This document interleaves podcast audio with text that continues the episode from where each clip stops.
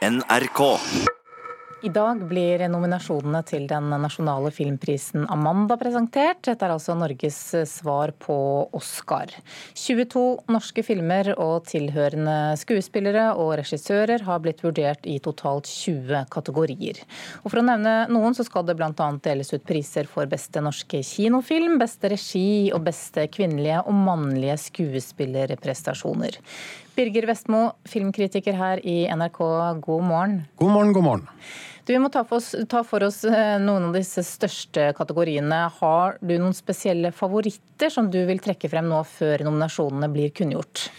Ja, det skal bli vanskelig å komme utenom Tuva Novotnys imponerende debutfilm 'Blindsone'. Jeg tror den kommer til å høste flere nominasjoner, bl.a. for beste norske kinofilm. Eh, Novotny sjøl for beste regi, og så er det jo helt 100% sikkert at Pia Tjelta vil bli nominert for sin eh, sterke rolleprestasjon. Og så tror jeg også katastrofefilmen 'Skjelvet' vil få flere nominasjoner. Eh, jeg syns den fortjener å bli nominert som beste beste norske kinofilm. Det er jo en solid katastrofefilm, sett av 590 000. Og jeg syns også at f.eks. Kristoffer Joners skuespillerinnsats er såpass god at eh, det kan eh, by på en nominasjon der. I tillegg til de selvfølgelige, altså produksjonsdesign, visuelle effekter og lyd. Og så vil jeg også trekke frem mordene i Kongo av Marius Holst, som fortjener mer skryt enn den kanskje har fått. Eh, da den kom, så handla veldig mye om saken og ikke filmen, men eh, den har såpass mange kvaliteter at beste norske kinofilm er innenfor rekkevidde, og også beste mannlige skuespiller, både for Tobias Santelmann som Moland og Aksel Hennie som French. Hva slags status har Amanda-prisene i dag i, i filmmiljøet? Ja, det er den gjeveste prisutdelinga for norsk film. Eh, den har jo fått konkurranse det siste tiåret og litt lenger fra Kanonprisen, som deles ut i mars under Kosmorama internasjonale filmfestival i Trondheim. Men Amanda har hatt en stor fordel, nemlig å ha vært direktesendt på TV, noe som automatisk gjør den viktigere. Eh, norske skuespillere og filmfolk trenger publisitet, og der har Amanda-utdelinga vært sentral. Eh, derfor blir det spennende å se hva som skjer nå. for eh, eh, Årets utdeling er jo den første som ikke blir direktesendt på TV.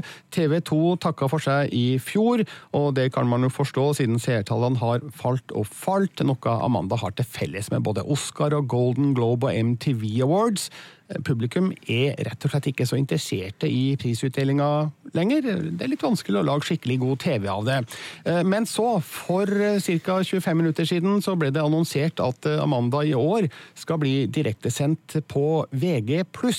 Og det sørger jo for et videre liv for Amanda. Nettstrømming er ikke helt det samme som TV. Eh, men eh, å ha Norges eh, største nyhetsnettsted i ryggen betyr at Amanda er redda, i hvert fall for en tid fremover. Så får vi se hvor vellykka det er med nettstrømming da nå i år. En ekte nyhet, altså? Ja, akkurat. Så hvordan er kvaliteten på norsk film i dag, hvis vi, ser, hvis vi sammenligner det med internasjonale filmer? Er vi på vei opp, eller er vi på vei ned? Det er et stort, vanskelig spørsmål. Jeg syns det lages mye god film i Norge. Vi har internasjonalt anerkjente regissører som Erik Poppe, Joakim Trier og Hans Petter Moland. Vi har kommersielle suksesser som Joakim Rønning, Espen Sandberg og André Øvredal. Det kan likevel synes som at oppturen kanskje har stagnert litt. Eh, noen mener vi skal kunne kjempe om gullpalmen i Cannes, eh, som for meg fortoner seg som en smule optimistisk. Eh, I år hadde vi ingen norske spillefilmer med i, i Cannes i det hele tatt. Så om man skal hevde seg i sterkere grad, så må man kanskje fokusere sterkere på, på filmer med lokalt preg og internasjonal appell. Så det er mye bra som lages innen norsk film. Jeg tror vi skal være stolte av det tilbudet vi har men det er et stykke opp til de aller beste nasjonene. Ok, og I dag så blir altså nominasjonene til Amanda-prisene kjent. Takk skal du ha, Birger Vestmo. Vi skal fortsatt uh, holde oss til ting som viser folk på skjerm, for mange har jo kanskje nå sett ferdig TV-serien Game of Thrones. Noen er på vei gjennom episodene.